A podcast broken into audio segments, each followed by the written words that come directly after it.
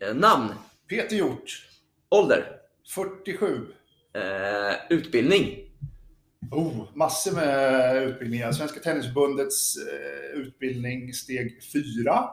Eh, gått massor med extra, extra utbildningar. Eh, den senaste jag gick var på Handelshögskolan som hette eh, idrott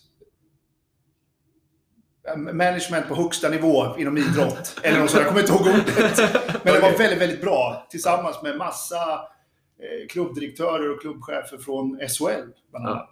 Om du får säga någonting du fick med dig därifrån då? Framförallt så var det och det här när man fick höra deras, hur de jobbar inom ishockey till exempel. Många, samma, många samma frågor eh, hela tiden. Vi, lärde mycket av, varandra helt enkelt. Okej. Ja. Ehm, så framförallt tror jag att det var, det jag fick med mig mest var att jag trodde att det skulle vara större skillnad på en tennisklubb mot vad det skulle vara mot eh, Frölunda Hockey till exempel. Men det är det inte. Det, det, det är rätt mycket samma frågor, medlemsfrågor och Ja. hur man ska lägga upp juniorverksamheter och upp till elit. Ja. Sp- Spontant tänker jag så här, att är det lite mer professionellt i Frölunda Hockey? Ja, det kan man väl kanske säga direkt att det är en mycket större organisation och de har en större budget att, att, att jobba med. Men ändå är det, det är samma, sa- samma, Samma frågor, ja, liksom, samma frågor på, på något sätt. Liksom. Sen har ju de, deras arenor är ju inte bara en hockeyarena många gånger. Nej. De hyr ju ut det till, till konserter och sånt också. Så, Ja. Men, men den, den utbildningen kan jag varmt rekommendera till, Ja. till er som jobbar med det här. Okej, Verkligen. spännande. Ja. Eh, arbetsroll idag?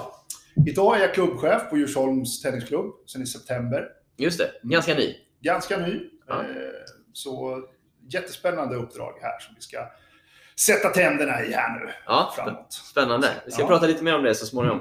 Eh, en film eller bok du har hämtat inspiration ifrån? Oh, eh, ja, en, min favoritfilm som alltid kommer upp det är Jerry Maguire. Ja, Ehm, bara för att jag känner igen mig rätt mycket i hans roll, Tom Cruise, där när han far runt lite som du gör nu. Ja. Reser från ena stället till det andra och inte vet vart han är, är på väg. Men den kommer Nej, upp så- hela, så hela tiden. Eh, måste jag säga. Sen, sen är inte jag någon boknörd överhuvudtaget. Jag har kanske läst fem, sex böcker i mitt liv. Kan jag, säga. jag har inte roliga att läsa. Jag- Okej. Jag måste se film eller... Nu kan man ju lyssna på, ja på saker, men ligga och läsa en bok, det, det går inte för mig. Det är, Okej, det blir ljudböcker då. ja, Kanske. Ja. Eh, har du någon eh, liksom, livsfilosofi? Live life to the fullest. Nej, då, nej det, det, var, det var inget bra sagt. Utan, nej, men, nej, men jag, jag tycker att eh, ha, gör det varje dag ska vara så bra som möjligt och inte vara, ska vara positiv. Det är jag. Jag hatar negativa människor. Man ska vara positiv. Jag försöker vara positiv. Eh, Ja. Och jag börjar med en löjlig grej att eh, ibland så ska jag sätta mig och sjunga det första jag gör på morgonen. Jag kan inte sjunga, det är inte det jag säger. Vad sjunger du då? Nej, jag, jag kan bara dra till med något. Bara för- Håkan Hellström? Nej, nej det, då, då är det nog mer, eh, mer eh, någon Lundell-låt eller någonting. Bara för att känna att man ska vakna på rätt sida och vara glad när man vaknar. Ja, vad härligt. Ja, speciellt på vintern när det är mörkt när man vaknar. Då, det kan jag rekommendera. Prov. Att sjunga när man Jag vaknar? lovar att du kommer göra det här nu. ja, det, ja, Det kommer du göra. absolut. Ja. Eh, har du någon förebild som du har sett upp till mycket eller ser upp till? Eh, i, I tennisen. ja, precis. Jag tänker. Som, Jag har ju en som alltid kommer tillbaks i mitt, eh, mitt minne eller sinne. Eh, Thomas Eklund. De äldre i gamet tror jag vet vem han är. Han jobbade mycket på, på 80-talet med svensk tennis. Mm. Med, med Wilander och Edberg och det gänget.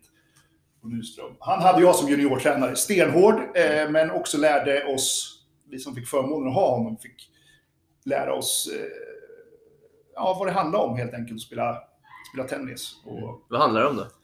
att det handlar om att alltid, alltid ge, ge sitt bästa och att, att eh, uppföra sig väl. Eh, Han tog oss till många, många platser. Vi fick komma på fantastiska tävlings och träningsresor. En, en parallell kan ju vara att vi ville ha tränings... Vi ville, vi ville ha en träningsoverall i gänget som han hade, men han tyckte inte vi skulle ha det. Det skulle synas på att vi på oss att vi var från Örebro. Liksom, Okej. det var där. Så, nej, men han, han har betytt jätte, jättemycket och liksom lärde oss ja, vad, vad tennis eh, handlar om och hur man ska uppföra sig helt enkelt. Ja, Spännande. men jävligt hård. Eh, jag tror inte hans ledarskap kanske skulle funka idag. Eh, men han kommer tillbaka hela tiden. Men, Okej. ja, så det, är- Ja, läckert. ja, det räcker. Tror du vi sk- generellt att eh, tränarna skulle kunna vara lite hårdare idag? Eh, ja, det tror jag. Mm. Men idag vågar ju inte alla tränare vara så hårda för att eh, föräldrarna snabbt är där och eh, hugger. Eh, många föräldrar har ju svårt när någon annan säger till ens barn. Mm. Eh, men jag tror absolut att, att vi skulle kunna vara lite tuffare och ställa lite högre krav på, Mm. på, på barn och ungdomar eh, idag. Ja, men idrott är ju fostrande, det är där man lär sig så mycket. Och ja, det är lite för mellanmjölk ibland kan jag tycka på den. På den fronten. Ja, Mm. ja. Ja, eh, sista frågan här i faktarutan. Vad, vad tror du på? Vad jag tror på? jag tror på att eh, man ska vara positiv och, och glad. Då blir andra människor i ens omgivning eh, också det. Det finns, finns inte ett budord. Behandla de andra som du själv vill bli behandlad. Ja, är det som så? du vill Ja. bli behandlad själv. Ja. Den tycker jag är bra. Det tror jag på. Det ja, tror du på? Ja, det tror jag på. Ja. Ett helt nytt avsnitt Välkomna hit till Tennismagasinets tennisbord med Linus Eriksson.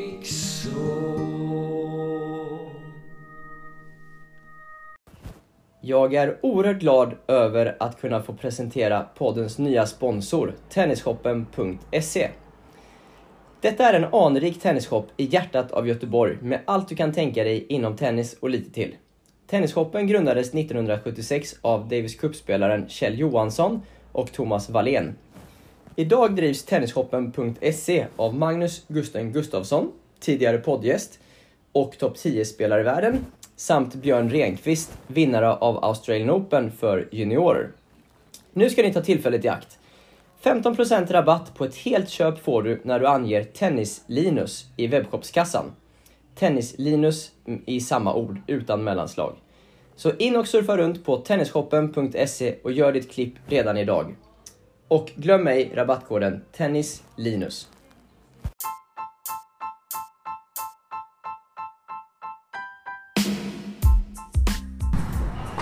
I dagens avsnitt ska ni få träffa Peter Hjort. Peter spelade själv tennis på en hög nivå. Han tävlade internationellt, spelade college-tennis och testade proffstennisen innan han vid 20 års ålder valde att satsa på att bli tränare. Som tränare har han jobbat i flera olika roller och miljöer, bland annat i Tyskland, Norge och i USA och har jobbat på touren med bland andra Hanna Noni och Sofia Arvidsson, men även med utländska spelare. Peter har dessutom varit juniorlandslagskapten för 14-åringarna i Sverige. Idag är han klubbchef i Djursholms Tennisklubb efter att ha gjort en fantastisk resa under 12 års tid i Lidingö TK, där han gick från att vara chefstränare till sportchef och slutligen klubbchef. I dagens avsnitt pratar vi bland annat om sportmanagementutbildningen som Peter har i ryggsäcken, hur viktigt det är att ha en öppen dialog och förstå sig på sin spelare om du jobbar med damtennis, att se ut som en vinnare både på och utanför banan, hur han gjorde Lidingö till en storklubb, den viktiga röda tråden som aldrig finns i verksamheter och hur man får all personal att jobba åt samma håll i en klubb. Vi välkomnar Peter Hjort.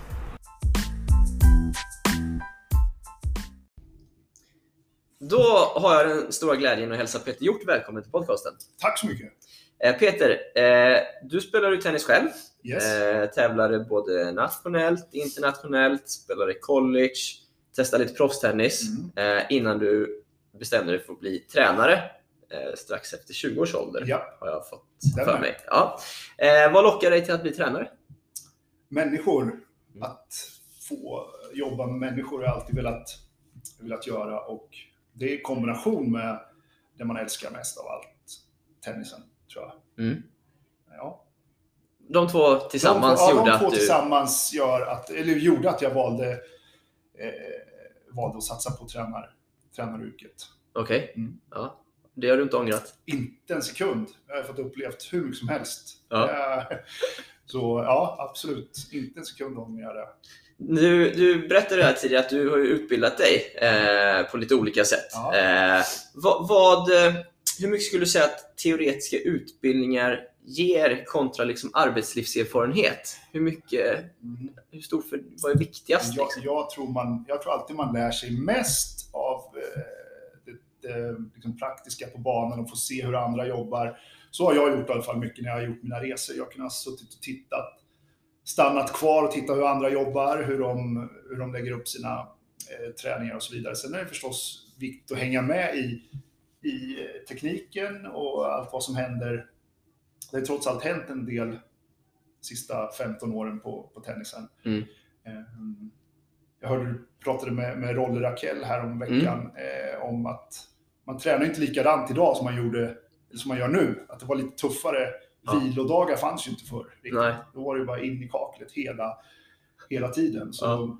Men jag tror att man vara up to date och sen försöka se och, och lära av andra, det tror jag är the key. Ja. Ja. Tror du att det har, liksom, eh, har det förändrats mycket ge- genom åren? Liksom vad, vad som, Ja, det tror jag. har man behövt uppdatera sig mycket så att säga? Liksom? Ja, men förr, det är väl en klassisk eh, citat, att förr kom ju folk till Sverige och tittade vad vi gjorde här för att vi Mm. producerade så mycket spelare. Nu får vi titta liksom utomlands vad, hur man, vad det är som händer, vad de gör eh, där. Ehm, Men, men jag tror att, att eh, och nu finns det ju mycket mer. Nu finns det ju liksom internet, det finns många andra forum att titta och lära sig. Man kan ju själv studera hur mycket som helst Mm. om man har intresse. Mm. Det behöver inte alltid gå alla utbildningar. Man kan ju ja, med YouTube-klipp och allt vad det är. Liksom man kan sitta och, och studera. Och det finns ju hur mycket tennis som helst och, och material att tillgå. Ja. man. Ja, ja, så är det. Ja. Eh, en av utbildningarna som du berättar om här, det är ju den här sport management-utbildningen. Eh, jag är lite nyfiken på, på den ännu mer. Så här, hur, tycker du att en tennisklubbar bör röra sig åt det här hållet som ja, men mer professionella idrotter jobbar kanske? Då? Eller inte idrott, men föreningar. Ja, ja, ja, det tror jag. jag. Jag tror att man ska försöka professionalisera eh, tennisklubbarna mer. Eh, jag menar, det är... Folk har högre och högre krav på eh, ja, vad man betalar för. Det är inte bara... Man vill ha... Det ska vara service, det ska vara, det ska vara en fräsch hall, det ska vara en bra organisation, det ska vara bra personal, det ska vara ett bra utbud. Eh, det är ingenting man bara gör med en klack, klackspark, utan det kräver en det, det, det det kräver tid och det kräver, kräver planering och, och ett gott samarbete med dem man, man jobbar med om man ska Mm. få till det. Så Mm. Jag tror absolut att man ska försöka professionalisera det ännu mer än vad det, vad det är idag kanske. Och jag tror många klubbar går ditåt. De drivs ju åt... Man kanske vill vara, försöka vara, bruk, brukar säga att man ska försöka vara som ett, ett företag fast man är en förening. Eh, och med det menat att man har, man har ordentligt med anställd personal för att kunna ta hand om sina medlemmar så de känner att, att här, är det, här är det bra. Mm. Går det ihop då med liksom det här med bredd, föreningstänket? Att det ska vara lite, lite sköj också? Så här. Ja, Det är klart att det ska vara skoj, eh, men, men eh, jag tror att man... Det går ju att ha kul fast det är professionellt, höll jag på att säga. Jag, tror, jag tror att för att en, en klubb ska må bra så, så måste det drivas, det måste drivas som en, eh, ett, ett bolag. Ehm, men att man har kvar den här lilla förenings föreningsarmen någonstans eh, också. Med ideella krafter och sådär? Ja, det finns, där är väl tennisen kanske sämst. Eh, Sämsta idrotten vi kan ha. Det finns ju inga eh, nästan ideella krafter som... Nej. Och jag tror att tennis är väl de, en av få sporter som har så mycket anställd personal om man jämför med andra idrotter. Ja, verkligen. Vill jag tro i alla fall. Jag har inga, ingen fakta på det, men jag tror det. Eh, Så ideellt, ja. Bingolotter, jag vet inte om det är folk, tennisklubbar man jobbar så. Ja, det var när jag var ung tror jag. Ja, ja precis. Eh, Men det är viktigt att det finns kvar, att, att, att klubbkänslan finns kvar. Och det, och det är klart att det blir så med ideellt arbete också, att folk eh, ställer upp eh, vid tävlingar Ja. och sådär. Men, men det det är ju sällan man ser en förälder hoppa in som tränare på en, en, en grupp till exempel. Nej, det är Då sällan. måste man sitta Ja. och ringa runt halva stan för att få tag på en ersättare. Medans, eh, jag vet inte hur många gånger jag hoppar in som fotbollstränare eller eh, till och med hockeytränare en gång fast jag aldrig har spelat hockey. Nej. Nej, där är det så- annorlunda. Eller hur? Ja. Ja, verkligen. Så, um, vi Ja. kanske borde ta mer hjälp av föräldrarna än vad vi gör. Tror du? Nej, dumt, dumt sagt av mig. Jag vet inte. Ja, men, de vill ju vara, föräldrar vill ju vara delaktiga i sina barns eh, tennis. Och det tror jag vi har ett, ett eh, en, bara vi förklarar vad det är som, som gäller som klubbar så tror jag att man kan använda dem på ett mycket bättre sätt än man, man gör idag. Okej. Eh, Jag tror många ser föräldrar som, som bara jobbiga. Ja. Men det är en sån liten, liten klick som är det. Så många vill, de flesta vill ju väl Ja. och vill hjälpa till om man frågar. Ja. Så det är, Ja, men jag är med. Eh, Du, du har jobbat, eh, sen du började jobba med tennis, så Ja. har du jobbat på väldigt många olika ställen, eh, i olika roller, i olika länder. Jag har skrivit ner här bland annat Örebro, Hamburg, i Norge, New York. Hur har tränaryrket skilt sig åt, liksom beroende på ja, vart du har varit? det har inte egentligen skilt sig så jättemycket för att tennisen är väl ett, ett, ett, ett internationellt språk, eller hur? Man kan liksom, Ja. Det är det som är så läckert med tennis. Man kan ju Ja. faktiskt jobba över hela världen med det här om man eh, Ja. och har möjlighet till det. Ehm, utan re, rent de rollerna jag har haft, jag har inte jobbat på något förbund eller så när jag har varit eh, utomlands, jag har jobbat på klubbar. Eh, så då har jag bara kört min Din grej? min grej helt enkelt. Eh, och det har funkat bra. Ja, Om, hittills du har haft en bra grej. Ja. Tydligen. Ja. Så, så liksom, eh, okej, så det har inte skilt sig så mycket egentligen väl inte. i yrket så? Nej, nej. Har, har du behövt anpassa din liksom ledarstil då, någonting? Eh, utifrån olika kulturer du har varit i?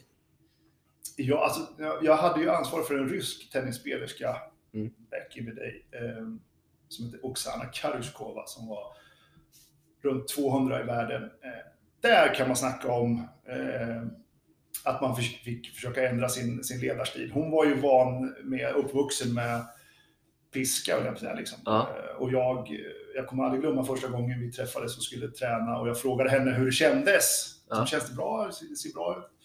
Eh, I don't know, you should know. Ja, så hon, hon ville liksom bara ha... Ja, vi, vi, jag kan säga, vi jobbade inte ihop jättelänge. Vi jobbade ihop ett halvår ungefär. Sen, sen gick det inte längre. Men hade du svårt att anpassa dig då? Ja, jag tror att jag hade svårt att anpassa mig till hennes, hennes ryska eh, stil. Eh, det, det, det var en, en, eh, en clash som jag inte vill vara med om igen.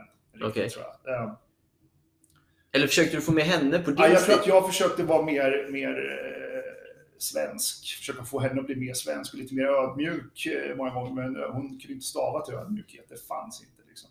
Okej. eh, och, det var ett problem inte bara på tennisbanan, även utanför. När man Okej. var på, på restaurang eller var på en flygplats eller någonting så var det... Ja, jag, kunde inte liksom, jag, det var inte, jag kunde inte stå för det hon... hon sen var hon en jävligt duktig spelare.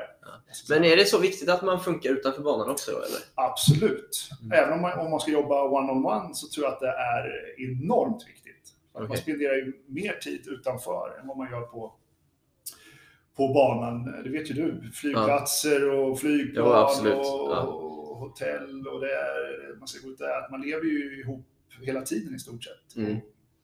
Blir det, blir det, funkar inte där, då är det sällan det funkar på banan tror jag. Ja. ja. Eh, Och det kanske jag skulle ändra idag om jag skulle göra samma resa igen. Att jag kanske skulle lägga lite mer tid, alltså separera tiden mer ifrån varandra.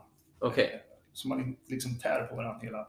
För det finns väl de som liksom så här, men vi ses en timme innan träningen och vi Absolut. säger hej då efteråt. Absolut, det, det, det, det gör det. Men så har inte jag jobbat. Jag har ju liksom varit där hela tiden i stort sett. Ja. Med Ja. de jag har jobbat eh, med. Så det, det, det, det, skulle jag nog eh, absolut göra om idag. Att vi ses på träningen, vi ses kanske vid middagen. Mm. Ja, Okej. och så vidare. Eh, Ja. Du, har även jobbat med, med två av våra svenska damspelare, eh, Hanna Noni och Sofia Arvidsson. Mm. Eh, och eh, så, bland annat Sofia då, eh, tog du, eller jobbar, du jobbar med henne från att hon var 180 i världen till 29 plats, Mm. tror jag. Eh, vad bidrog du med för att hjälpa henne ta det, eller få det lyftet?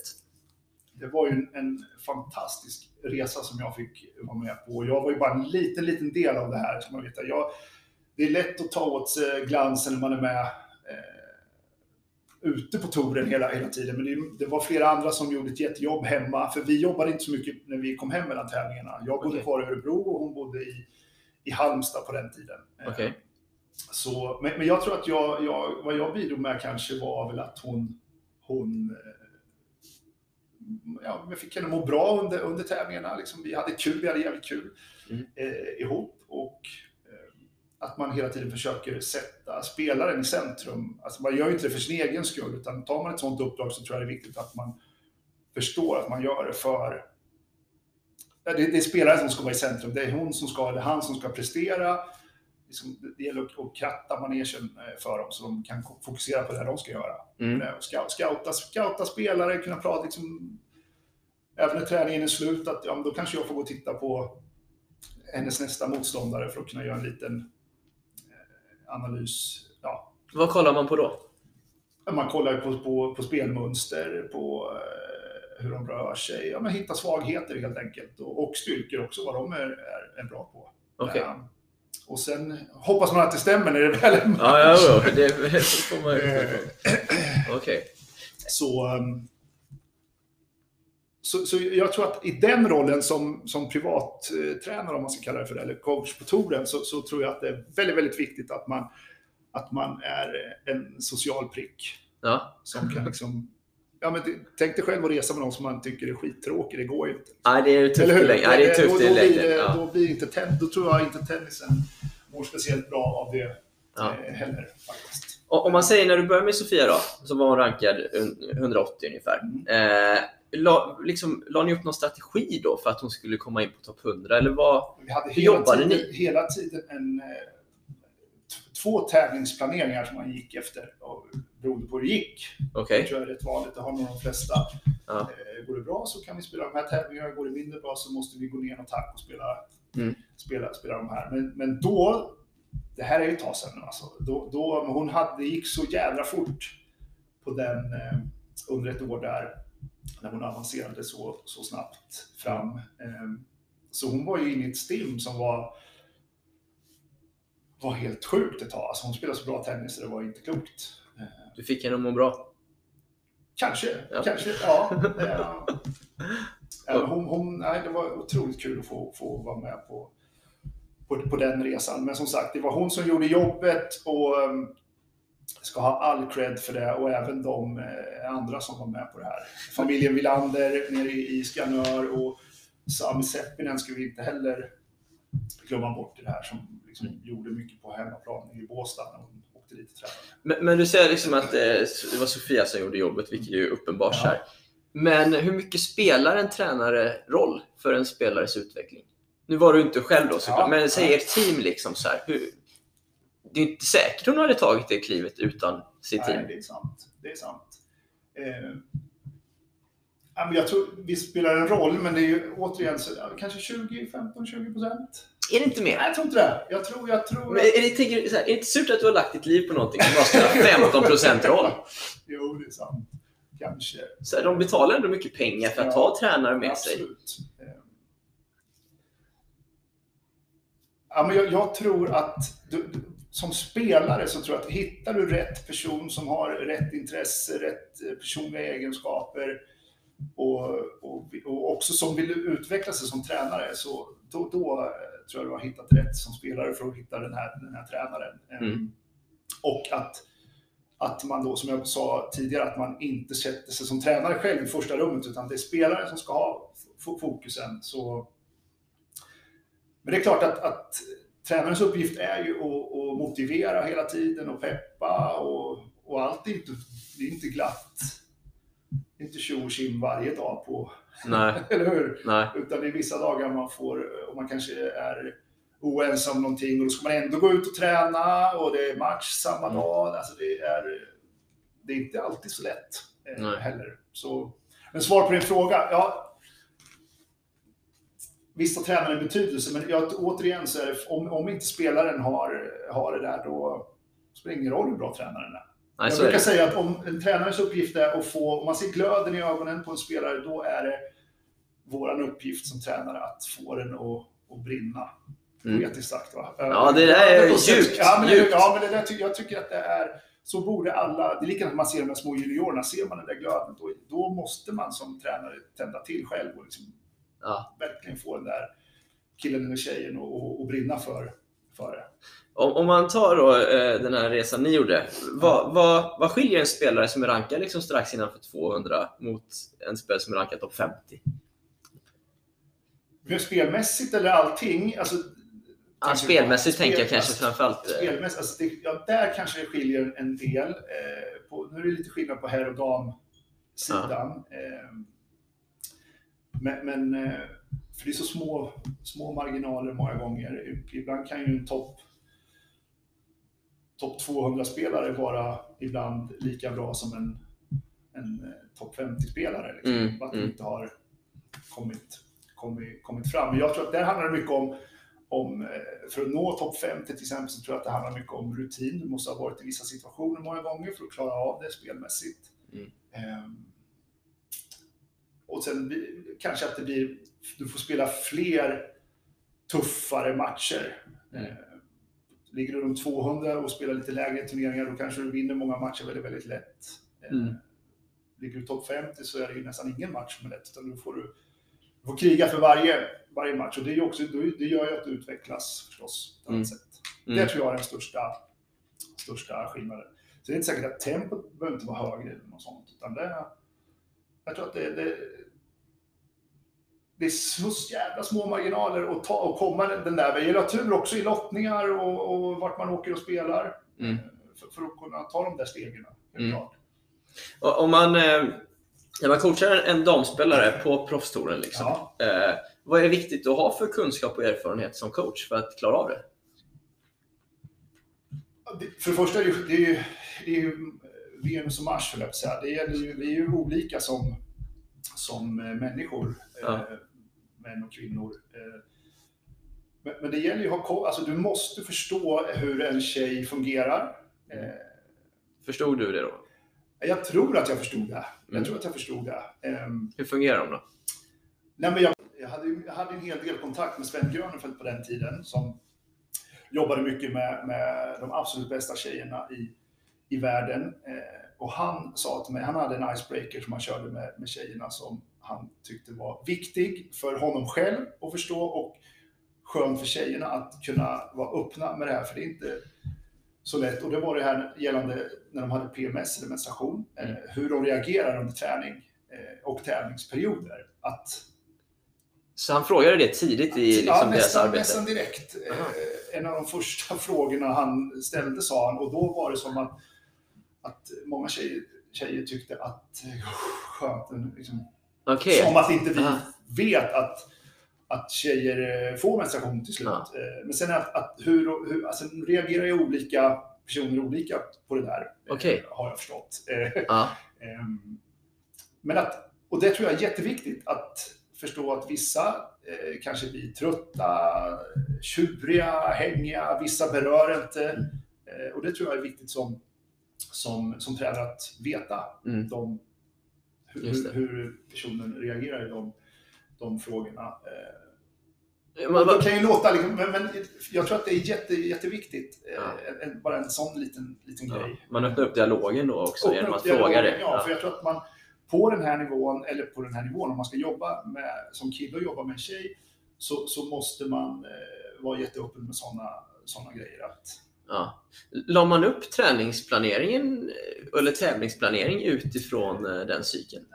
det, det, vissa vet jag gjorde det. Ja. Eh, Men det är klart att jag, jag tror att, återigen är det in- individuellt. eh, Men, men för att liksom koppla på den här frågan med hur det är att jobba med, med tjejer så tror jag att man måste vara ännu mer förstå dem ännu mer, att veta vad, hur de tänker i vissa, när vill du ha, jag vet att när vi, en resa som jag och Sofia gjorde, en av de första resorna vi gjorde till, till Tokyo, Mm. så, så gjorde jag ett formulär, ett frågeformulär med 20 frågor. Okej. Då kände inte vi varandra jätte, jättebra. Eh, utan, och då var det, det var sådana banala frågor som favoritmat och eh, vilken fe, alltså lite sådana här som du. Jag vill bara lära känna henne ännu, ännu mer. Eh, när hon vill ha, när vill hon ha coaching? När, när ska vi prata efter match? Mm. Eh, och så, ja, så man inte liksom bara kör sitt eget race som tränare och tror att det här är the way. Utan jag tror att spelaren måste få säga jag vill prata om min match en timme efter eh, Ja. matchen är klar, eller vi tar det på middagen ikväll, eller vi gör det Ja. imorgon. Eh, Ja. Jag vill inte ha någon coaching. Ja. Jag vill inte att du gör tecken, vad det nu må vara. Okej. Det, det, det tror jag är, är eh, också en liten nyckel, att man, man måste känna varandra väl om man ska göra en sån här resa. Ja. Hur, mycket, hur mycket lär man känna, eller hur mycket tar man reda på före man tackar ja till ett uppdrag? Och hur mycket liksom, ja men vi kör och så löser det sig sen. Ja, i, i, det här, I Sofias fall så var det, henne hade jag lärt känna via Hanna Noni, som, de, det var, ju- de är ju 84 båda två. Ja. De var ju outstanding i Sverige. Så jag kände ju henne genom att de hade mött varandra mycket. Men den här ryskan till exempel som jag berättade om, som jag Mm. hade jobbat med, henne visste jag ju nästan ingenting, eller jag visste ingenting om henne. Mm. Eh, Men jag var liksom, jag ville ta chansen att prova Okej. eh, med, det. Och då, då, eh, henne kanske man skulle ha gjort lite mer research eh, innan. Ja. där, där kan jag säga. Och det skulle jag nog göra idag också. Om jag skulle ta ett, ett sånt uppdrag så skulle jag absolut lyssna mer, göra lite mer check, back, background Okej. check på, Ja. på dem. Ja, jag. På de här. Eh, men återigen så tror jag det är superviktigt att man, att man vet vad man, vad man har varandra. Eh, Ja. sån här Sista frågan på det här ämnet, men, men eh, du sa att liksom man, det är viktigt att lyssna på spelaren och Mm. du ställde mycket frågor för att ta reda Ja. på hur de ville ha det och så vidare. Men ha, ha, har du haft liksom några, jag vet inte ett svenskt ord, men några standards, grejer som inte du ruckar på? Nej men så här jobbar jag faktiskt. Mm. Ja, men jag, det här med att komma i tid tycker jag är, är super, superviktigt. Ja. Eh, har man bestämt att vi, vi ska eh, ses en halvtimme innan träningen för att göra den här uppvärmningen. Eh, så- Sådana grejer. Försöka vara att, att, så att det är så professionellt som det bara går Mm. eh, he, hela tiden. För det är ju ens eget rykte också som sätts lite på spel om man tar ett sånt här uppdrag. Att man, att man är professionell själv Ja, på ja. de här bitarna. ja men verkligen. Ja. Det är det ju. Så, ja, men jag tror, tider har jag varit jävligt noga med. Eh, Okej, det, det tror jag är, är, har varit min grej. man kommer inte för sent till... Nej, Till Peters träning. Nej, eh, gärna innan ska man vara. Ja. Ja, jag med. Eh, du har ju också varit eh, juniorlandslagskapten Yes. för 14-åringarna i Ja. Sverige i två år, tror jag det var det. Mm. Vad, vad såg du och vad fick du för lärdomar av det arbetet? Det var också jätteintressant. Eh, Men det, det jag kommer ihåg, det som slår mig och som jag, tänk, jag tänker på det ofta ibland, det var egentligen inte alltid på tennis, tennisbanan, Mm. eh, utan det var hur mycket de andra nationerna var ofta på EM med de här andra internationella tävlingarna, att de var alltid, de var alltid först i matkön, de var alltid först på, på frukosten, de var liksom och de hade ett helt annat kroppsspråk på, på banan än vad vi Hur då? Svenska, ja, men de såg ut som vinnare när de kommer ut, redan när de kommer ut. Eller i matsalen i, på frukosten. Liksom. Mm. låg det två croissanter där så kan jag lova att de, det var ingen svensk som vågade ta dem. två där, det var, det var eh, någon annan som han, han, han före. Ja. Ja, men de, tuff, de var tuffare. De var tuffare skolade. Jag vet inte om de var... Det, det kändes som att man hade en, en, annan, en annan mentalitet än vad vi eh, hade. Okej. Nu, nu kan jag inte svara på riktigt hur det ser ut idag, om det är likadant idag. Eh, När var du på, hade du det här uppdraget? Det var... 1932. Nej, jag kommer, nu ska vi se. Det, det måste ha varit 2000, eh, 2007. någon gång. Sju, okej, Ja, det är ett tag sedan. Hur, hur gjorde du för att försöka jobba med de här bitarna med spelarna då? Eller tänkte du att det Nej, är men som vi det är? pratade ju jättemycket om det här hela tiden med, med attityd och eh, återigen hur, att, att försöka se ut som, som en vinnare. Och vi hade, jag vet att vi hade, vi, skulle inte, vi får inte dricka läsk på middagarna, vi får inte äta godis och så här. Mm. Frukost skulle vara nyttigt. Och sen kom man då till de här frukosten på morgnarna på spelarhotellet.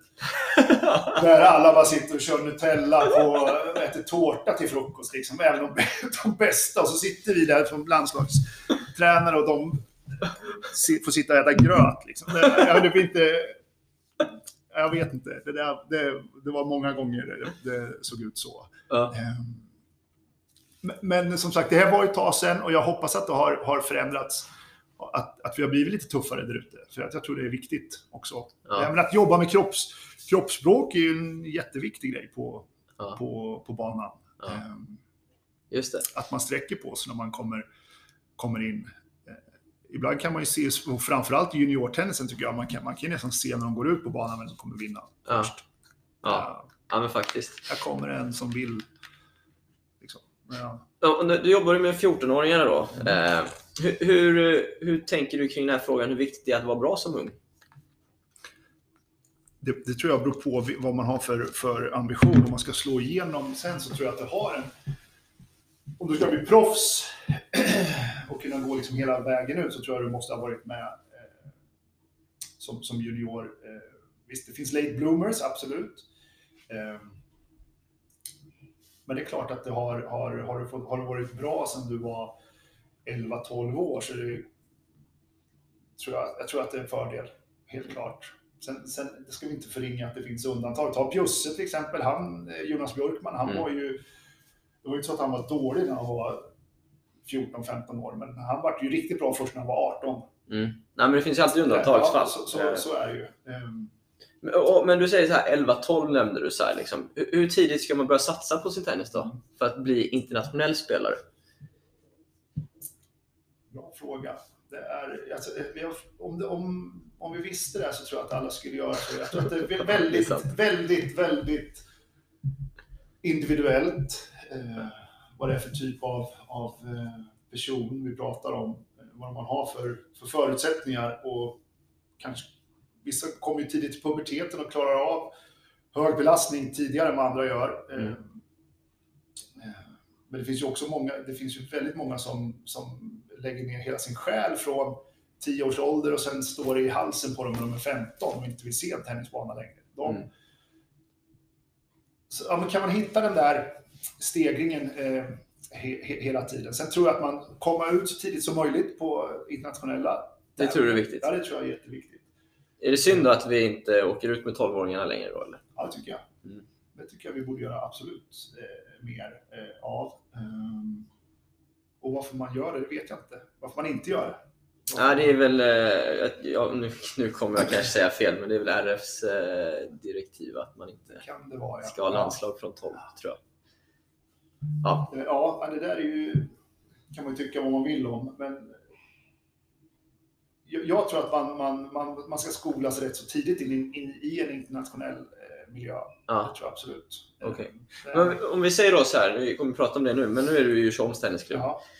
Liksom, är målet då att ha ett riktigt liksom, grymt upplägg för 11-12-åringar då? Som, som kan leda så småningom till en internationell... Ja, vi, vi försöker. Vi har något riktigt bra på gång här nu. Vi sitter nu och, och jobbar fram en, en ny eh, struktur på, på, på träningen. Eh, liksom enat team ska försöka ta det här nu till nästa nivå. Och, eh, jag, jag tror ju att vi vill ju försöka skapa en miljö där du kan komma in i boll och rörelseskolan och sen kunna gå hela, he, hela vägen. Det är ju en dröm, en vision Ja. som, som vi har. Eh, och då, men då måste du ha också engagerade tränare som kan lägga den tiden och vara ute och resa och, och, och så. Men att jag, jag tror ju på att få växa upp i en, en hemmaklubb. Mm. Och att klubben då kan försöka erbjuda det så långt det bara går. Så långt det bara går kunna erbjuda det absolut bästa som, Mm. som, som finns. Oftast så, så stöper eller faller det på att man med sparringen till slut, att det kanske en, oftast är det kanske en som sticker ut enormt mycket i en klubb och då blir den väldigt ensam. Ja. Ehm, och där kanske vi skulle bli, kunna bli bättre på i Sverige och samarbeta med, med sparring, eh, att, att, att hjälpa varandra och bjuda in till klubbar bjuder in varandra och, och så. Det tror jag är en, en eh, Mm. Men du tänker då att en klubb ska kunna, ska kunna ta ansvar för en spelare från boll och rörelseskolan när de är yngsta till mer eller mindre att de är proffs? Jag vill att de ska kunna, jag, jag vill att de ska kunna ha, se att jag ska kunna stanna här. Mm. Eh, vi försöker rita upp det här som en, ja, som en, eh, en trappa, en Mm. utvecklingstrappa. Att klarar man det så går man dit, så går man dit och så går man dit. Och sen när jag kommer hit så, så finns det det här. Då kan klubben erbjuda det här. Men jag tror också väldigt viktigt att vara supertydlig att det här kan vi som klubb erbjuda. Ja, Eh, Så att det inte blir några eh, Just det. mi- missförstånd sen till, till slut. Utan sen, sen måste ju spelaren själv lägga enormt mycket tid eh, också. Men att man är tydlig med det här kan klubben göra, men det här får ni lägga själva. Till Ja, exempel. Så, just det. Men det är viktigt att det finns både elit och bredd under samma tak, eller? jag har sagt det förut vid något tillfälle att folk älskar ju när det smäller i hallen. Så fort det är någon som är lite bättre, som är här och spelar idag på Djursholm, så stannar ju folk och tittar. Folk tycker det är kul att stå och titta på det här. Och det Mm. föder liksom inspiration hos, hos eh, framförallt juniorer, men även alla motionärer tycker också det är kul att stå och se om det är någon riktigt, riktigt bra spelare som, Mm. som, som är här. Mm. Jag menar, Elias var ju här och, och Christian var ju här och tränade för några veckor sedan. Det är ju Mm. jättekul då när liksom folk bara What? Vad är det här? Mm. Ja. Um, Ja, jag just tycker det. är läckert. Ehm, sen sen så, så är det ju som sagt, eh, det är inte en klubbs eh, ansvar att, att spelaren ska bli bra. Det är ju spelaren själv. eh, Men, men klubben ska i så lång utsträckning det går kunna, tycker jag, supporta och erbjuda eh, de, eh, det, det som krävs så långt det bara går. Jag vill ta tillfället i akt att påminna om det fina erbjudandet på 15% rabatt på ett helt köp när du anger Tennis-Linus i ett ord i webbshopskassan hos poddens nya huvudsponsor tennisshoppen.se. Nu fortsätter vi avsnittet.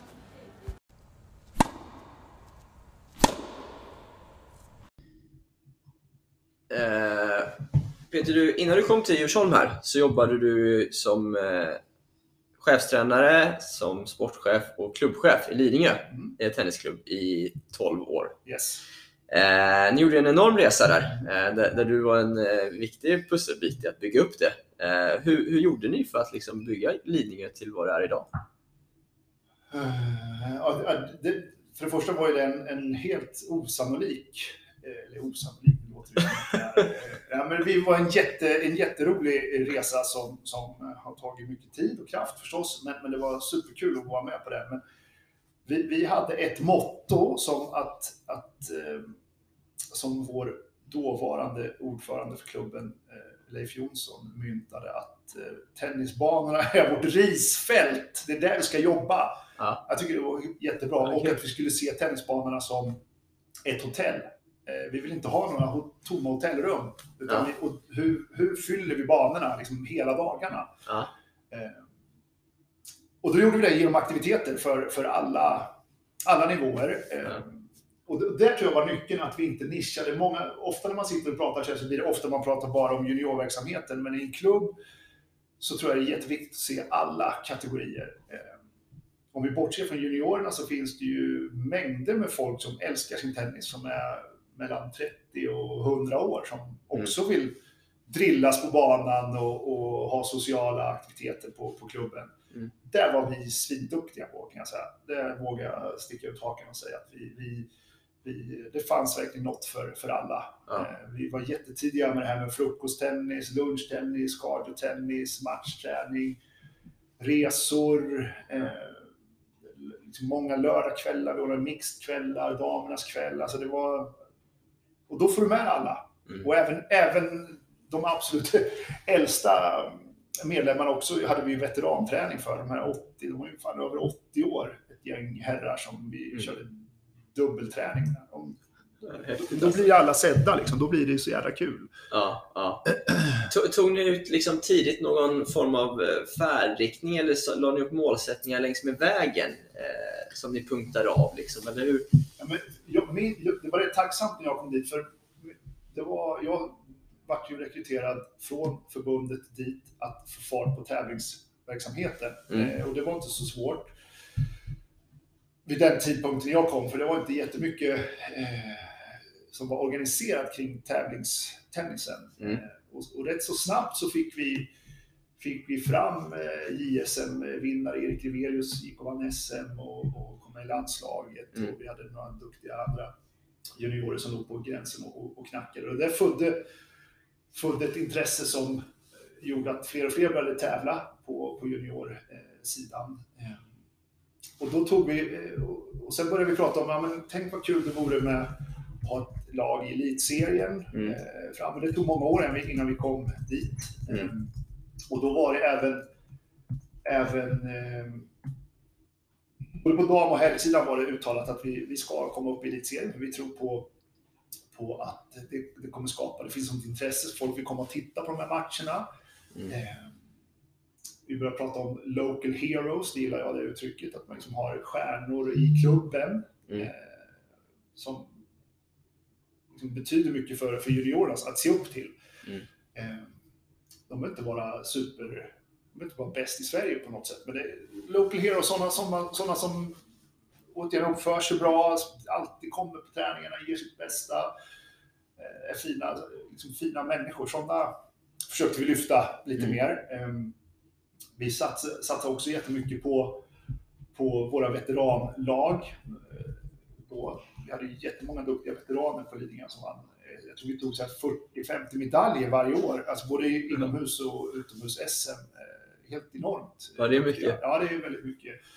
Så... um, Nej, men jag, ny, hemligheten tror jag var och att, att vi såg alla. Det tror jag är så jävla viktigt i en klubb. Ja. Och det är där jag vill försöka få till, även här ute nu i Djursholm, att vi, att vi aktiverar alla grupper. Att det ska finnas en, brukar säga att det ska finnas en meny man öppnar, eh, som på en restaurang, att man öppnar en meny så ska du, du ska, ska liksom vara fullproppat med, med grejer som du kan Ja. få göra, eller som, som klubben erbjuder, som Mm. du kan ta del av. Eh, var det en stor fördel på Lidingö och även i Djursholm att eh, folk kan träna mycket på dagtid?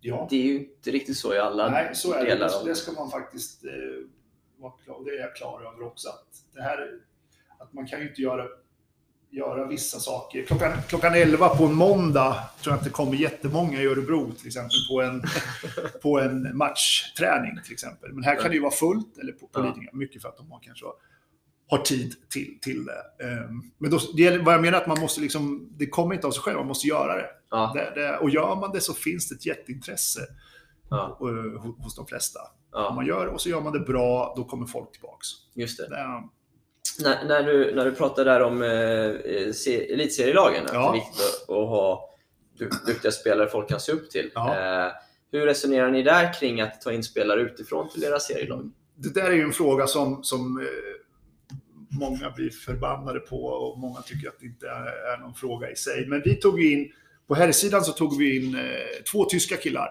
Mm. Eh, och det var inte så att vi... Och vi hade kriterier för det också, vilka, hur de skulle vara. Det skulle vara, de, de skulle vara... För det första skulle de vara bra spelare, men de skulle också vara bra personer. Det skulle vara förebilder. Vi kan inte ta in någon, någon tysk som kommer och skriker scheisse efter varje missad boll och slänger racket i väggen. Utan Det skulle vara, vara bra killar. De skulle ställa upp på, på vissa juniorpass. Mm. Och, och, och, så, så att det gav tillbaks någonting till, till, eh, till klubben. Mm, mm. Det var liksom grund, grundtanken. Och det, sen var det så att de kom, det var två år som de eh, var med. Okej. Eh, Och jag menar, vi var ju inte den enda klubben i det här landet som tog in spelare. Och vi, vi hade också så att vi, hade, vi var noga med att det skulle vara, av basen så skulle de flesta vara ju, eh, Lidingö-spelare förstås. Som, Okej. att det, inte var, det, var, det var superuttalat. Att Ja. så max, max två. Eh, ett tag var det faktiskt tre. Det var en italienare med också. Ett tag. Okej. Eh, Men de, gjorde också, de hjälpte också till att vi gick upp i elitserien. Ja. Eh, Så, och det vart ju super eh, på, på klubben kring, kring det och folk började prata om det. Så det vart ett mervärde i det, helt klart. Kommer ni göra samma här i Djursholm nu? Eh, möjligtvis längre fram. Eh, nu frös vi leder ju faktiskt division 2. När Okej, ja, jag har faktiskt ingen koll på som gör det. Eh, när, när de frös därför i, i år. Eh, Ja. Jag vet inte hur det blir om de tar upp det i höst igen. Jag har tappat, men jag hoppas det. Eh, men vi absolut, vi ska sikta på att komma upp i... Djursholm har ju varit i elitserien på damsidan förut. Ja, just det. Ja. Så, men, men här har vi ett jättefint material tror jag som kan, på juniorer som på sikt kommer kunna representera klubben högt upp i, i eh, Serien. serien. Ja, det ser jätte, jättebra ut. Mycket bättre än jag någonsin kunde drömma om. Du låter väldigt positiv. Ja, det gör jag. Det, Vänta bara, vänta ett och ett halvt år. Ja, just det. När du, du tillträdde här i, var det september? September. Mm. Eh, vad liksom eh, var det första och viktigaste du tog tag i? Det var ju eh, att få en, en, eh, en kontakt med personalen förstås. Mm. Som man ska jobba mycket med. Eh, vi försökte, en av de första grejerna också var att se över privattränarfrågan som vart, det, var det första jag reagerade på, att det var väldigt mycket privata aktörer här ute Mm. som egentligen inte har någon koppling till klubben, någon Okej. klubbkänsla, eh, som bidrar med någon klubbkänsla. Utan där har vi försökt eh, rensa upp, om jag ska uttrycka mig så, att det liksom, vi, nu godkänner vi de tränare som kör extra här. Man måste bli godkänd för att Mm. köra här och det tycker jag är, är rimligt. Jag ser att fler och fler klubbar går åt det hållet. Eh, Men klubben får ingenting för de timmarna? Nej. Nej.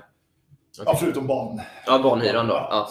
Eh, Men eh, så, så det var väl eh, en grej. Sen har vi börjat titta över, över ja, men jag försökte göra en bild av hur, hur träningarna såg ut och det vart jag superimponerad av, tycker jag. Ja, de har gjort ett jättebra grundjobb här nu. Eh, Men nu ska vi ta det här till nästa nivå och då, då kommer vi in på det här och, och erbjuda fler, flera kundgrupper eller målgrupper aktiviteter. Mm. Sen har ju tyvärr pandemin satt stopp för att vi inte kunnat gjort i stort sett någonting av det vi vill göra. Men det kommer. Så det gäller ju att försöka förklara för medlemmarna vad det här kommer hända sen när vi väl kan gå fullt ut. Mm. Att vi kommer göra mycket, mycket medlemsaktiviteter för, för alla, alla grupper. Att man blandar ibland. Eh, Vi hade, när jag kom här så hade vår ordförande Ulf Rosberg hade dragit på hans initiativ startat något som kallas för onsdagsblixten. En gång i månaden så fick man signa upp sig för att spela dubbel, Mm. alla olika nivåer. Eh, Och jag tror det kom 48 stycken första gången. Okej. Ja, det var superläckert Ja. att se här. Så det var en onsdagskväll mellan 19 och 21 som det var både damer och herrar och juniorer som spelade tillsammans. Mm. Superkul. Sådana Läckert. grejer skapar ju Ja. skapar ju klubbkänsla. Det var juniorer från tävlingsgrupperna, från elitgrupperna som var med bland, blandat med, med vanliga motionärer. Ja. Sånt är Okej. kul. Ja, jag förstår. Eh, Om, om man pratar liksom eh, träningarna. Mm. Eh, du sa att du var imponerad över hur, hur träningarna såg ut. Så. Eh, skulle du säga att det är viktigt i en klubb att tränarna lär ut tennis på ungefär samma sätt? Ja. Superviktigt. Och där sitter vi med nu. Vi sitter med ett jättecoolt arbete här nu som vi ska presentera i maj. Eh, och det är viktigt att, att, att alla då drar åt samma håll. Att man är, är man ett tränarteam Ja, För det var min fråga, hur får du som chef alla att dra åt samma håll? Ja, det är ju inte alltid lätt kan jag säga. Eh, är det inte. Utan man, men jag tror att nu, nu tror jag att vi försöker, man måste försöka måla upp visionen vad det är som, som eh, kan, hur, hur det ska se ut. Eh, sen är det ju så, sätter du tio tennistränare i ett rum och du ska fråga hur en forehand ska slås. Ja. Eller hur en serve ska se ut, så, så kan jag ju lova att det, du får inte tio exakta samma svar. Eh, Men det är precis det vi håller på med nu. Vi försöker göra en... Vi kommer jobba med checkpoints. Mm. Eh, som vi ska ha i...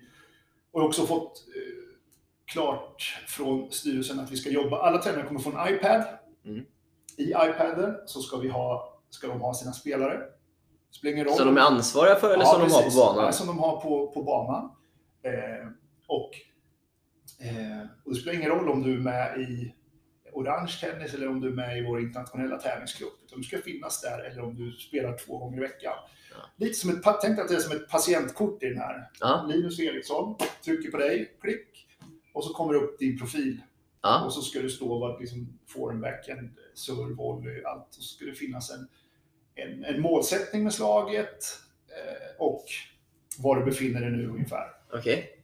Häftigt. Ja, det, så vi, det där eh, sitter vi med just, just nu faktiskt. Vi, vi var klara i tisdags med eh, orange, röd och orange boll, hur det ska, hur vi vill att det ska, ska se ut. Eh, och att Eh, Slutprodukten då eller? Ja, precis. Mm. Eh, För hur man lär ut det är det upp till varje tränare? Nej, utan det, det är nästa steg. Så vi inte bara säger rätt grepp. Ja, men vad är rätt grepp? Liksom? Ja. Att, att vi försöker verkligen vi ska verkligen prova det här nu, för det, i praktiken funkar det inte så eh, överallt att, alla lär ut på samma sätt. Nej. Så kan man säga på olika saker, men det är viktigt att vi, att vi visar att vi vill ha aktievridning, vi vill ha... Men, men vad händer? Men vad händer eh, var, vart, vart kommer liksom den individuella liksom, eh, konstnärligheten in då för tränaren? Eller vad man ska säga. Eller förstår du vad jag menar? Jag att, förstår du eh.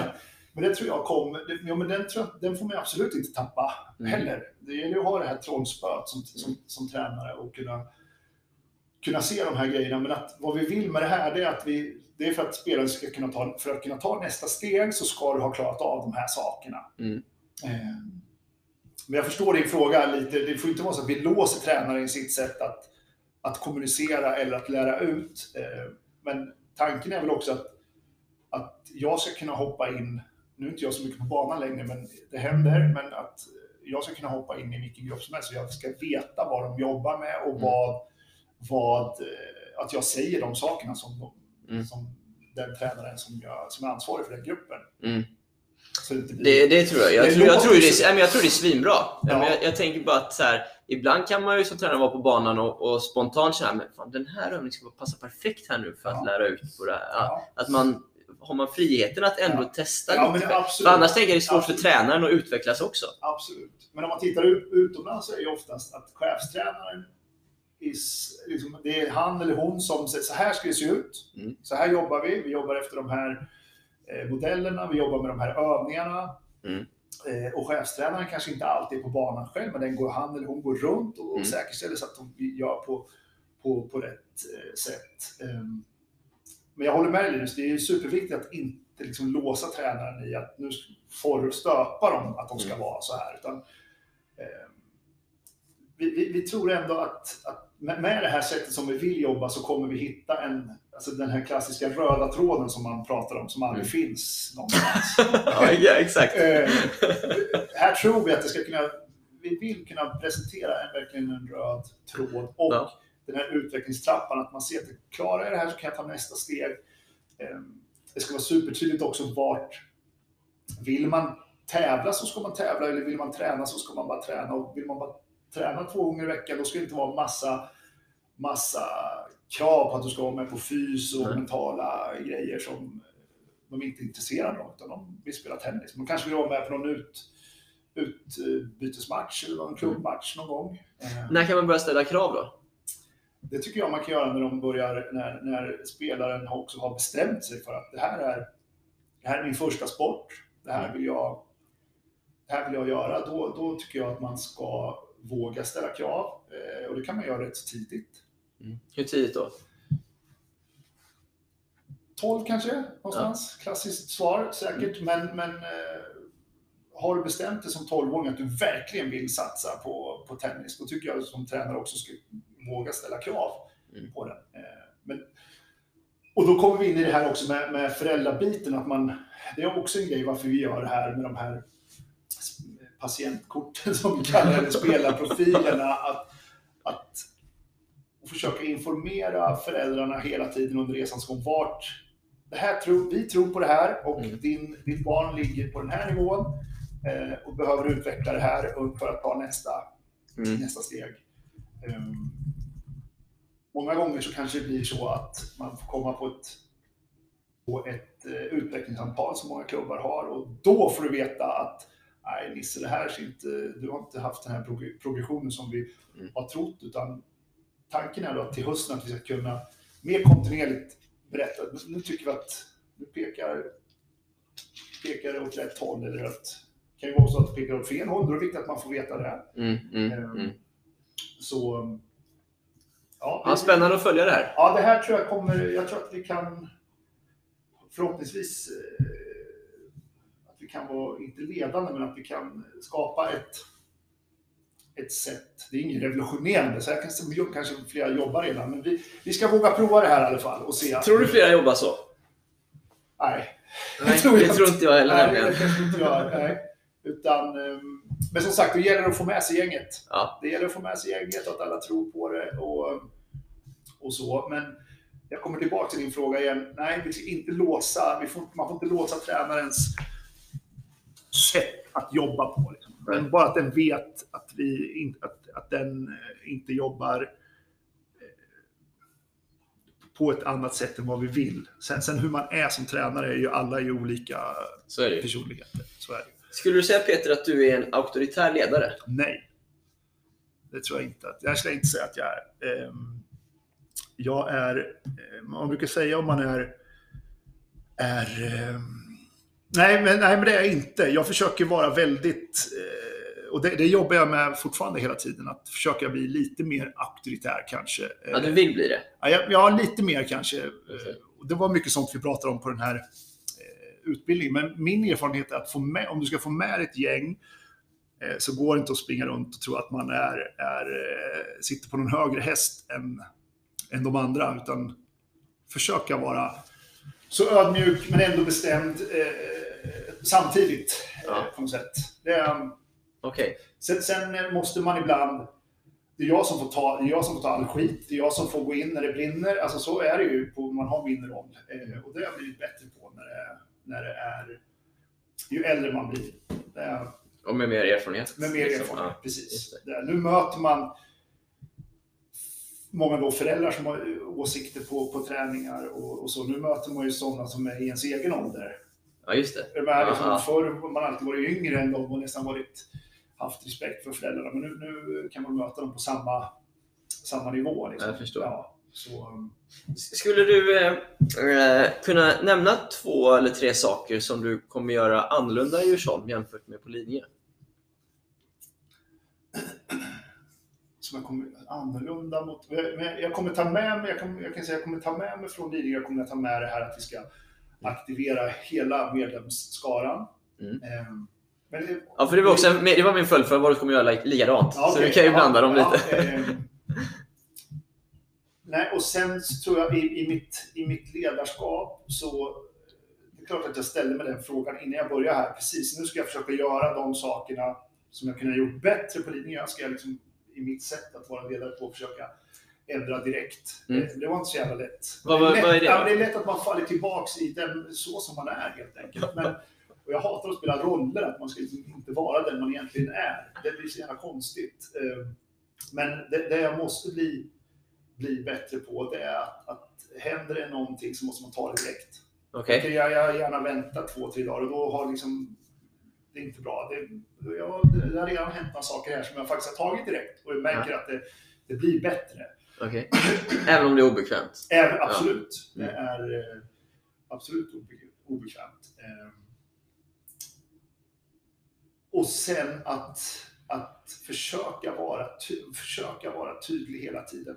Man tycker att man är supertydlig, men eh, nej. Är, Man kan bli ännu tidigare. man kan bli ännu tydligare, absolut. Eh, och och det, det tror jag att man försöka vara det och, och liksom ha, vad säger man, eh, lite eh, horisont på det. Att, så att det inte kommer upp samma dag. Utan man, man måste kunna informera i god tid när det, när det händer saker. Sen i sådana här verksamheter så händer ju saker varje Det är så kul. Man vet aldrig vad som händer Mm. eh, varje dag. Utan det händer nästan alltid saker, of- oförberedda saker som, som händer som man får ta på uppstuds. Eh, men att, att, att ta tag i saker direkt, det tror jag är jätte... Det är en grej som jag ska bli, bli så mycket bättre på. Ja. Jag, som, och möten, liksom. jag har äntligen börjat med kalendrar och grejer. Jag hade, hade ett möte med Sigge idag egentligen, klockan Ja. tio, som vi har bokat sedan hur länge sedan som helst. Men det fick jag ringa han igår kväll och be om ursäkt för andra gången. Att, fan, jag får skjuta. Ja, det är bra att du Ja. prioriterar mig före Ja, Sigge absolut. Jag hörde Sigge. Ja. Han får lyssna på det här Ja. istället. Ja. Eh, Peter, jag, när jag läst, eh, innan vi skulle ses så, Ja. så läste jag någonstans att du pratat en del om glädjen hos en spelare, att den är viktig. Och att glöden måste, eh, måste finnas där. Mm. Och om den inte finns är det tränarens uppgift att skapa den lågan. Yes. Hur skapar man den hos en spelare som inte är taggad? Eh, Jag tror att den måste bli sedd. Att spelaren måste känna, känna att den blir sedd. Mm. Och det behöver att man liksom inte på banan, utan när de kommer till hallen, att man kanske pratar lite extra med dem och hejar på dem, ger en high five. Att de känner att fan, den här, han eller hon ser ju mig. Det tror jag är jätte, jä- jätteviktigt. Att de inte... Att man skapar en, en relation till, till spelarna, att de vågar säga allting. Det försöker vi vara jättetydliga med, framförallt i tävlingsgrupperna. Att det finns ju bra och dåliga dagar, att de säger det innan. Idag var det tufft i skolan, eller jag sovit dåligt i natt. Ja, men berätta det då. Då vet vi att, att det kanske blir en, ett mindre bra pass Mm. från dig. Istället för att man som tränare står och suckar till, "Åh, fan vad är det nu? Liksom. Det är, Ja, ja. upp en dialog tror jag är jätte, jätteviktigt. Men, men eh, för att få den här lilla glöden att börja brinna så tror jag att och se dem, peppa dem och eh, ja, beröm. Alla älskar beröm. Mm. Det ja, det gör man. och då lyfter man sig. Men att, att inte bli sedd tror jag är det vanligaste felet man gör som klubbtränare när man har så många. Mm. Eh, och det tycker jag är en, en kvalitet som, som många tränare kanske kan bli bättre på. Att man, det är lätt att favorisera kanske. Man tycker att de här är, Mm. eller han eller hon är, är, eh, har den där lilla extra. Men det kan ju finnas de som, som kommer sen, som vi pratade om förut. Eh, och, få, och då är ju, vi då är ju tränare, tränaren jätte, jätteviktig. Mm. Mm. Att, att, att man har stått upp för, för det man tror på och att, att man ger positiv feedback till, till dem Mm. tidigt. Mm. Då börjar det brinna i ögonen på dem. Ja. Är det det? Säger du så? Ja, jag- Säger du så? Jag det. Jag är nästan säker på det. Ja.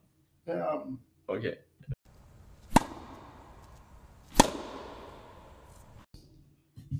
Vi kommer att avsluta med några frågor som jag ställer till de flesta gästerna. Ja. Eh, vad har du ändrat uppfattning om den senaste tiden?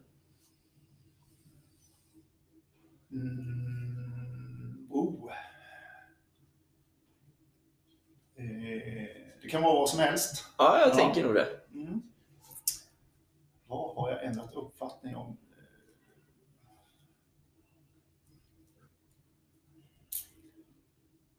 Tänker så det knakar. Ehm,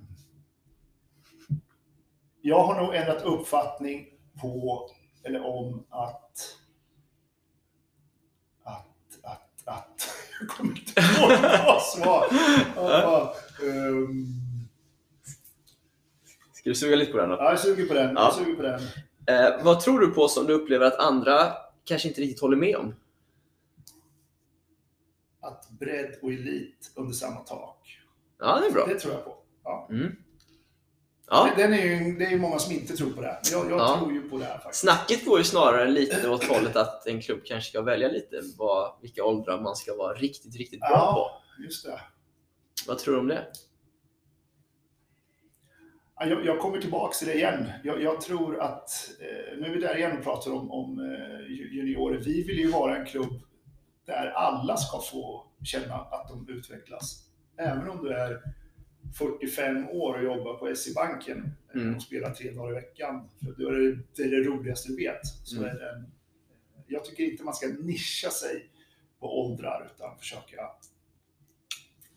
erbjuda alla ett så bra upplägg som möjligt. Ja. Vilken skulle du säga är svensk tennis största styrka? att vi har eh, fantastiska faciliteter. Eh, det skulle jag nog säga direkt. Och att vi har väldigt många duktiga tränare. Vi har många duktiga tränare, eh, men vi samarbetar för lite. Berätta mer, hur menar du då? Eh, Jag tycker att, och så har det väl varit i, i alla tider, eh, höll jag på att säga, att det är, det är lite för mycket min spelare och det är min spelare och det är liksom, istället för att, att ja, men, sa- samarbeta bättre över, över klubbgränserna och även tränare. Jag älskar de här tränarträffarna som, som när man drar ihop från, från hela Sverige. Nu var det länge sedan det var en sån, Mm. en sån grej, men att, att man träffas och diskuterar och försöker komma fram till svensk tennis bästa Mm. eh, och inte ser sitt, till sitt eget hus. De flesta vill ju, man vill ju förstås göra så bra man kan i sin egen verksamhet, men någonstans måste vi också, det är ju klubbarna som, som har ett stort ansvar för, för att få fram spelare också. Mm. Att, kan vi gemensamt hitta ett bra upplägg där så tror jag, och vi har alla förutsättningar med, med hallar och, och grejer om man jämför med många andra, mm, andra länder. mm. Så Det är största styrkan. ja, Va, vad skulle du säga är svensk tennis största svaghet? att man inte har tagit tillvara på alla bra spelare som vi har haft, att försöka få tillbaka dem in i svensk eh, tennis. Nu, visst, många har gjort korta sessioner som eh, Fed Cup eller Davis Cup, Cup kaptener. Eh, men, men jag tror att vi, vi skulle ku- kunna, liksom, med, med all den kompetens som finns i Sverige från före detta spelare och, och, och tränare, vi har ju många internationella tränare som är svinduktiga, Mm. eh, eller svenskar som är ute och, och, och tränar, att vi får att vi har involverat dem mer i svensk. Hur skulle, det, hur skulle man kunna involvera dem då? Ja, Du, kanske- om du pratar om Tortränarna till exempel. Ja, ja men tänk om, de kunde, om, om vi kunde locka dem till att ha lite sessions då och då per år när de är hemma. Att, att bjuda in till, till, till tränar, tränarträffar och ge senaste updaten. Så här ser det ut. Ja. Här jobbar så här jobbas det på touren idag. Och, Ja, så att fler får ta del av det. ja jag förstår. det, det um, Ja, och en grej som jag har tänkt på många gånger, vi var ju sjukt bra i dubbel i Sverige. För ett tag sedan. Alltså, jag vet inte hur många världsettor i dubbel vi har haft. Ja. eh, ja, kanske inte världsettor, men jag menar redan på e Jocke Nyström till exempel, som man kanske kommer ihåg som en singelspelare. Han har ju vunnit Wimbledon i dubbel. Ja. Edberg var också en grym dubbelspelare. Järryd vet ju alla. Sen har du Björkman, Appell, Lindstedt, Aspelin. Eh, Ja. men var, var, där hade jag gärna sett att vi kanske skulle haft mer dubbelclinics. Eh, Okej. En sån grej till exempel. Där, där, ja, men jag tror att vi, vi, vi skulle kunna använda oss jättemycket av de lite äldre rävarna som har varit med länge eh, och, och försöka implementera dem tillsammans med, med det nya tränargänget som, som är på, på väg upp. Jag tror man kan lära sig jättemycket av varandra fortfarande. Ja, vad härligt. Mm. Eh, hur har du förändrat ditt ledarskap de senaste åren skulle du säga?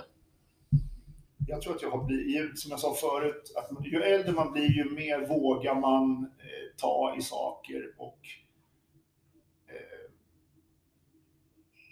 försöka, att man har blivit mer, ja, mera rak, skulle jag vilja säga. Mm. Förut kunde jag dra mig jättelänge förut och, och prata med någon som om det var jobbigt.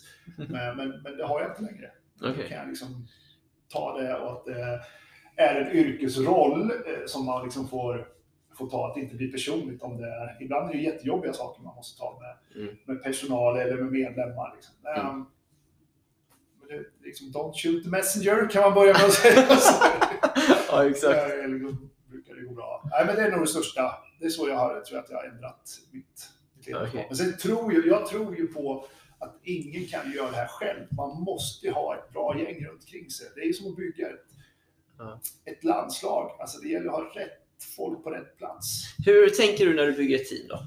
När du, när du kommer till en klubb, då har du ett team för det Ja, första. Men, ja. men eh, Och det är det svåraste som finns, är att ändra folks personligheter. Det, är, det, det har jag ju förstått att det är i stort sett omöjligt att, att få någon att vara eh, på ett annat sätt än vad de är. Det, Mm. det är ju...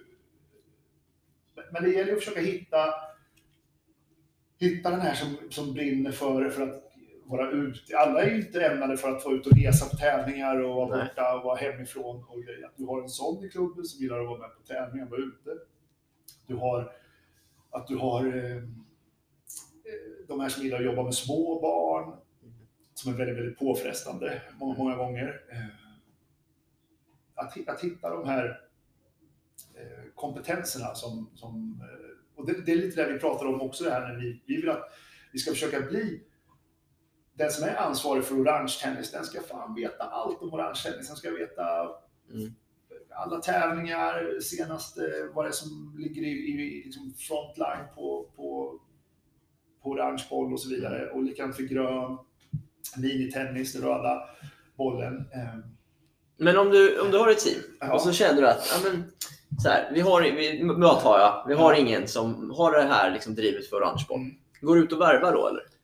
Ja, då får man ju, om, om det finns, eh, det, det är inte bara att sparka ut någon genom dörren, så lätt är det inte i Sverige idag att bli av med folk och det, det vill vi inte bli. Utan, men, men ja, finns det utrymme i ekonomi och då, då absolut. Då skulle jag ha en annons ute, ansvarig för orange boll och, och så det här Ja. vill vi att du ska göra. Och jag tror att det finns, finns folk i det här landet som, som älskar att jobba med Ja, ja, ja, det var ett exempel. Absolut. ja.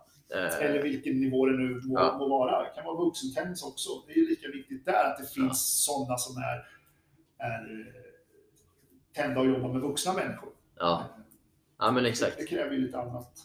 Ja. Om, om, eh, ja, vad, skulle, vad är bortkastad tid enligt dig? Vad är bortkastad tid? Ja, det är när man pratar om saker och det inte händer. Liksom att, man kan ha ägnat timmar åt att, att vi borde göra så här och så, så blir, det inte, blir det inte av. Utan Mm. eh, försöka, så fort man har kommit fram till ett sätt, nu pratar vi arbetssätt, som vi gör nu, där vi är nu på Djursholm, där vi försöker utveckla hela trä, träningsverksamheten, att, att det verkligen blir, blir av. Om inte det här blir av nu, då är det waste of time kanske. Då har vi kastat bort timmar om det här. Så, Ja. det det så vi tror ju hårt på det här och då, då är det viktigt att stå för det också. Det, är, Ja. Okej. det, det tror jag är, om det var svar på din Ja, det är verkligen Ja. Eh, två frågor kvar här. Om du var härskare över svensk tennis, Ja. högsta liksom, eh, hönset här. Vad skulle du prioritera att ta tag i då? Uh. Eh, Jag, jag tror på ut, alltså, tränarutbildningen, att verkligen, verkligen, verkligen få den på plats nu så att den blir internationellt gångbar. Eh, och liksom satsa på trä, för det är det viktigaste vi har i svensk tennis. Ska vi liksom fortsätta vara bra så måste vi också satsa på, på våra ledare och våra tränare, att de får kontinuerlig utbildning och en bra utbildning. Eh, och en erkänd utbildning också. Mm. Så att man liksom, det, är, det, det ska krävas lite för att få jobba på en klubb, eh, tycker jag. Eh, att du har rätt, rätt kompetens.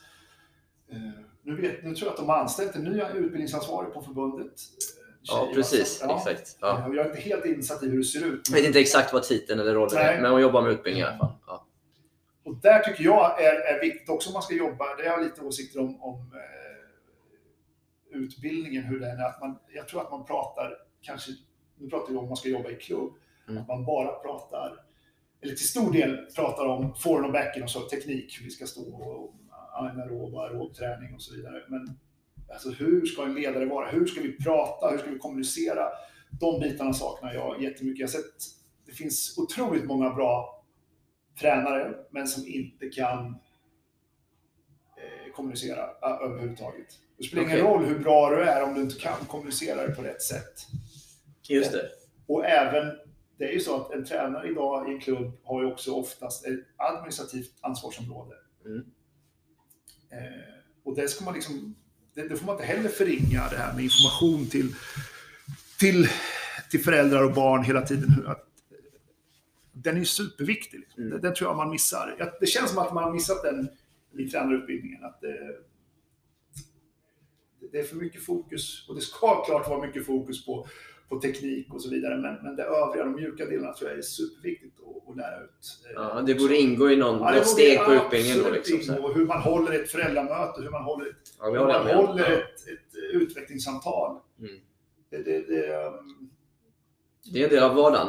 det är en del av vardagen och som sagt, och det kastar man bara på någon som inte har någon erfarenhet egentligen av det där. Um, Och då kan du tänka dig själv som, om man då kommer som förälder på ett utvecklingssamtal till exempel. Och så sitter en tränare som inte vet knappt vilka frågor. Alltså det kan bli väldigt, väldigt fel. Eh, Men den, den tror jag man ska försöka lägga lite. Det kanske man gör idag i utbildningarna. Jag, jag har inte sett det än riktigt. Hur eh, liksom, jobbar du med internutbildning då med din personal när det gäller de här bitarna? Eller? Har precis börjat. Jag är, nu kan man säga att nu har jag kartlagt. Det är nu, först nu jag börjar liksom ha fått en bild av hur klubben ser ut och hur personalen jobbar och vad det är för människor som jobbar här. Eh, Och nu har jag börjat se vilka styrkorna är, vilka svagheterna är. Så Ja. det ligger också i det här paketet som vi försöker eh, skapa nu till, Ja. tillsammans. Hur vi ska agera på, också där agera på samma sätt på samma sätt utanför banan eh, som vi pratade om förut, att vi skulle försöka hålla en röd tråd på, på träningarna så ska det finnas en röd tråd när vi kommer till, till utvecklingssamtal, information och, och, grejer. Det, Okej. jag fick, det var någon som sa till mig att tre barn med i verksamheten och har tre olika tränare och när informationen kommer från de här tre olika tränarna så ser det ut som det kommer från tre olika klubbar. Alltså det, det finns ingen struktur överhuvudtaget på, på det där. Eh, det. det är sådana grejer som, försök hålla det så, göra det så professionellt man, man kan så att det blir enhetligt. Och, och, eh, Ja, det är viktigt. så, så de, sådana bitar är viktiga också. Är, det är ofta det, det som, som föräldrar har synpunkter på idag. Det kanske inte är på träningen alla gånger, utan det är oh, man får aldrig någon information och man får ingen kommunikation. Och vi, vi hoppas kunna bli bättre där också nu. I, I och med de här med iPaden och de här korten som jag pratade om och, Mm. och så vidare. Och att vi har en mallar, så här ska det se ut när vi skickar ut så att det är enhetligt hela tiden. Mm. Snyggt. Eh, Peter, slutligen här. Eh, vill du rekommendera någonting? Ja, Vad som helst. Jag vill rekommendera att fortsätta spela tennis, för det är ju den absolut roligaste sporten som, som vi har. Eh, och, och en sport som man kan hålla på med väldigt, väldigt länge och spela upp, långt upp i åldrarna och den är internationell. Du kan spela vart du än kommer i, Mm. i världen. Eh, det är en annan sport som knackar på dörren också, paddel. Eh, jag tycker paddel är jättekul och det finns synergier i det där.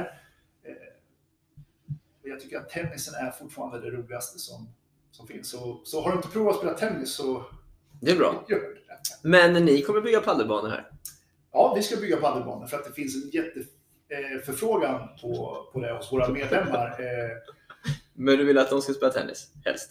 Helst vill jag som spela tennis, men jag tror att, och det ser man väl idag, det väl den, trenden går ju åt, vi i tennisen som jobbar med tennis var ju rädda för att paddeln skulle ta alla tennisspelare, men nu ser man ju även att de som aldrig har spelat tennis kommer till tennishallar som har byggt paddel, Ja. så ser de tennisbanan och nu vill de spela tennis. Så det verkar, verkar gynna, gynna varandra. Ja, det är det man hoppas på. Det hoppas vi, hoppas vi på. Ja. Hoppas vi på.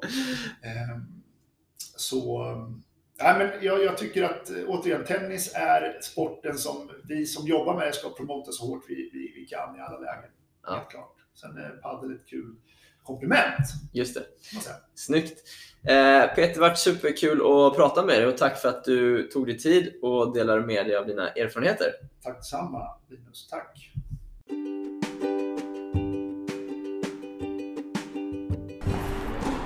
Jag tycker inte det går att nog prata om hur viktigt det är med en struktur och röd tråd i en tennisklubb. Det Peter är inne på med att det är bra och positivt om alla delar finns i en klubb, ja det går ju att diskutera. Eh, där har ju nästan snacket snarare gått åt att klubbar bör fokusera på de yngre åldrarna framförallt och sen välja vilka delar man vill kunna ha i, när man går uppåt i åldrarna. Att det är svårt att ha allting. Men oavsett vad, det är så bra det här arbetet som Peter pratar om att de har påbörjat i Djursholm med hur man ska träna barnen, vad, eller juniorerna, eh, vad man ska lära ut, hur man lär ut. Det klassiska hamburgerexemplet som jag och eh, en del kollegor återkommer till. Att går du in på till exempel McDonalds och beställer en Big Mac så ser den likadan ut oavsett vem som står vid just din kassa. I en tennisklubb går du in i en hall så kan det se helt olika ut på bana 1, 2 och 3. Även om spelarna precis har börjat i en ten- eh, terminen eh, samtidigt och kommit lika långt. Allt beroende på vilken tränare du har. Om det inte finns någon röd tråd i hur man ska lära ut saker i just den här klubben. Jag tror det är jätteviktigt för att få tennisen ja, att se lite mer seriös ut eh, i Sverige. Med det sagt, vill du komma i kontakt med mig så går det bra att mejla på linus.erikssonsnabelatennismagasinet.se eller eh, kontakta mig via Instagram, linus-se-eriksson. Tack så mycket för idag och hoppas ni gillade avsnittet. Det kommer ett nytt om några dagar.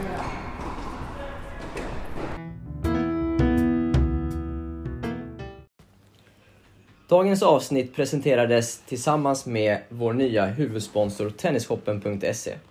Tennisshoppen som är en anrik tennisshop i hjärtat av Göteborg med allt du kan tänka dig inom tennis och lite till. Tennisshoppen grundades 1976 av Davis Cup-spelaren Kjell Johansson och Thomas Wallén.